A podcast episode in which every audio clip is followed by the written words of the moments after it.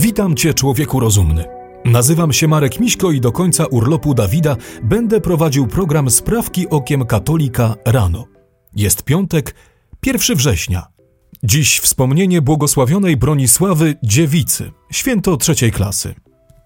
Wszystkie sprawy nasze prosimy Cię, Panie, natchnieniem Twoim uprzedzaj, a pomocą wspieraj, aby wszelka modlitwa i praca nasza od Ciebie się poczynała i przez Ciebie się kończyła. Przez Chrystusa Pana naszego. Amen. Niemcy. Wojsko wypłaca odszkodowania homoseksualistom. Przez dwa lata działania ustawy o odszkodowaniach wypłacono 178 osobom 400 tysięcy euro. Ustawa jest odpowiedzią na rzekome krzywdy wyrządzone homo i transseksualistom zarówno w Bundeswehrze, jak i byłej Enerdowskiej Narodowej Armii Ludowej w latach 1955-2000. W dokumencie podsumowującym dwa lata od podpisania ustawy pojawia się stwierdzenie, że główny cel został osiągnięty. Żołnierze, którzy przed 2000 rokiem byli rzekomo dyskryminowani ze względu na orientację lub tożsamość płciową, mogli otrzymać rekompensatę za straty psychiczne. Termin składania wniosków o odszkodowanie upływa w lipcu 2026 roku.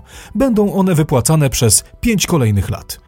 Pomysł dotyczący ustawy o odszkodowaniach powstał w 2020 roku, gdy niemieckie Ministerstwo Obrony opublikowało raport dotyczący rzekomej systematycznej dyskryminacji ze względu na orientację w Bundeswehrze w latach 1955-2000. Francja. Dwa lata po uchwaleniu ustawy umożliwiającej samotnym kobietom i homoseksualistom uzyskanie dziecka za pomocą technologii wspomaganego rozrodu, zaczynają być odczuwalne poważne konsekwencje tej praktyki. W sierpniu 2021 roku po kilkuletniej debacie parlamentarnej przyjęto nową ustawę o bioetyce. Przed jej przyjęciem rocznie wpływało około 2000 wniosków o medycznie wspomaganą prokreację, a po jej wprowadzeniu odnotowano ponad 11-krotny wzrost. Ale to nie wszystko. We wrześniu 2022 roku uchwalono prawo, według którego dzieci urodzone za pomocą sztucznego zapłodnienia będą miały prawo poznać tożsamość swoich biologicznych rodziców. 89 tysięcy próbek męskiego nasienia skierowano więc do zniszczenia i rozpoczęto zbieranie nowego zapasu, który zawiera 30 tysięcy próbek. Z powodu niedoboru komórek rozrodczych kliniki zaczęły wykorzystywać te, które przeznaczone były do zniszczenia. Dzieci urodzone z nich będą chciały poznać tożsamość swoich ojców, którym wcześniej obiecano anonimowość. To doprowadzi do tysięcy pozwów. W 1979 roku francuski mason, wielki mistrz Wielkiej Loży Francji, dr Pierre Simon, wezwał, by zmienić naszą postawę wobec życia i postrzegać je już nie jako dar od Boga, a jako materiał, którym można zarządzać. Jak widać, dzieje się to na naszych oczach. Wspomnienie błogosławionej Bronisławy. Urodziła się ona około 1200 roku w Kamieniu Śląskim – Pochodziła z rodu Odrowążów, a jej krewnymi byli święty Jacek i błogosławiony Czesław. W wieku 16 lat wstąpiła do klasztoru Norbertanek w Krakowie, gdzie bardzo szybko została przełożoną. Podczas zarazy w 1224 roku służyła chorym, rozdawała leki i ubrania oraz karmiła głodnych. Mniszki były świadkami bratobójczych walk pomiędzy Konradem Mazowieckim a Henrykiem Brodatym, przez co musiały się chronić w lesie. Jednak najtragiczniejszym wydarzeniem był najazd tatarski w 1241 roku. Siostry skryły się wówczas pośród zalesionych skał, które do dzisiaj noszą nazwę Skał Panieńskich. W trudnych chwilach Bronisława udawała się do pustelni na wzgórzu Sikornik, gdzie oddawała się modlitwie. Tam objawił się jej Pan Jezus, który powiedział: Bronisławo, Krzyż mój jest Twoim, lecz i chwała moja Twoją będzie. Bronisława zmarła 29 sierpnia 1259 roku w Krakowie. Została beatyfikowana w 1839 roku przez papieża Grzegorza XVI.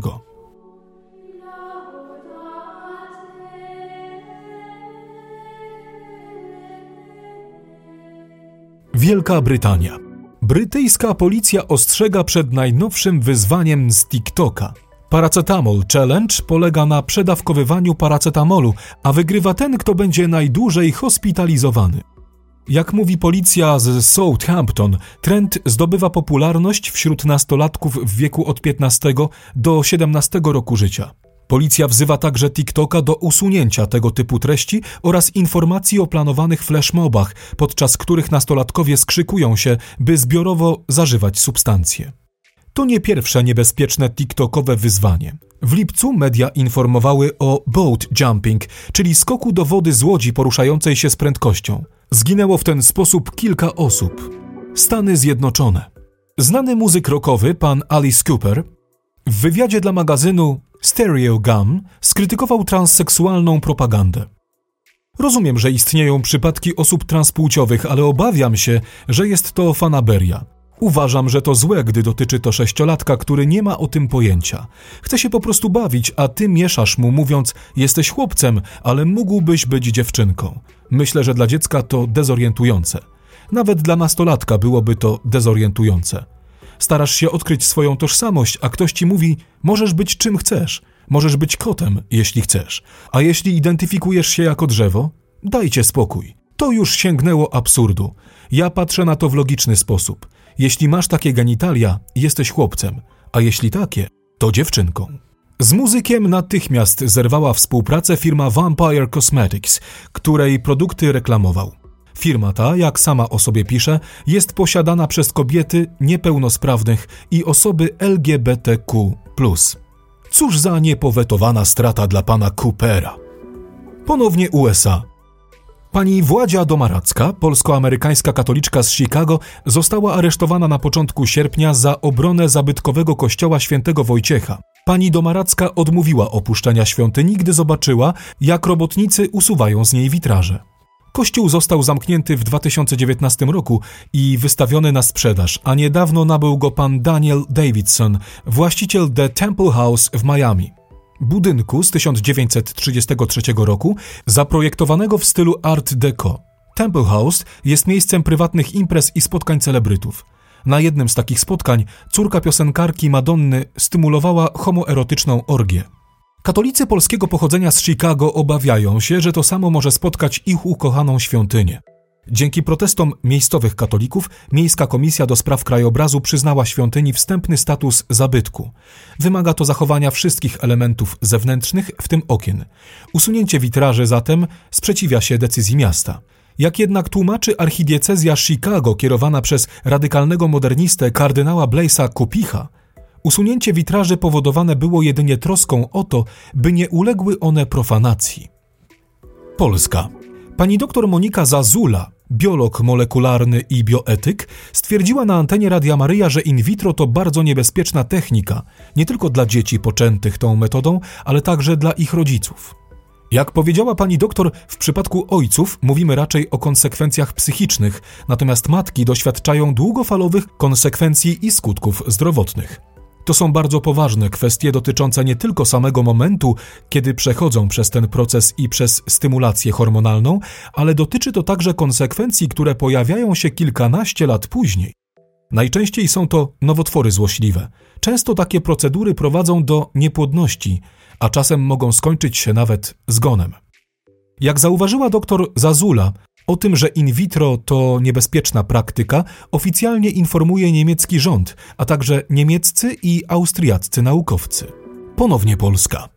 Na nagrobku zlokalizowanym na cmentarzu komunalnym w Międzychodzie w województwie wielkopolskim zauważono wyryte osiem gwiazdek. Poznańska Telewizja Polska zwróciła się w tej sprawie z prośbą o komentarz do zarządcy cmentarza firmy Aqualift – Przedstawiciele firmy stwierdzili, że napis narusza regulamin cmentarza i zakłóca powagę miejsca.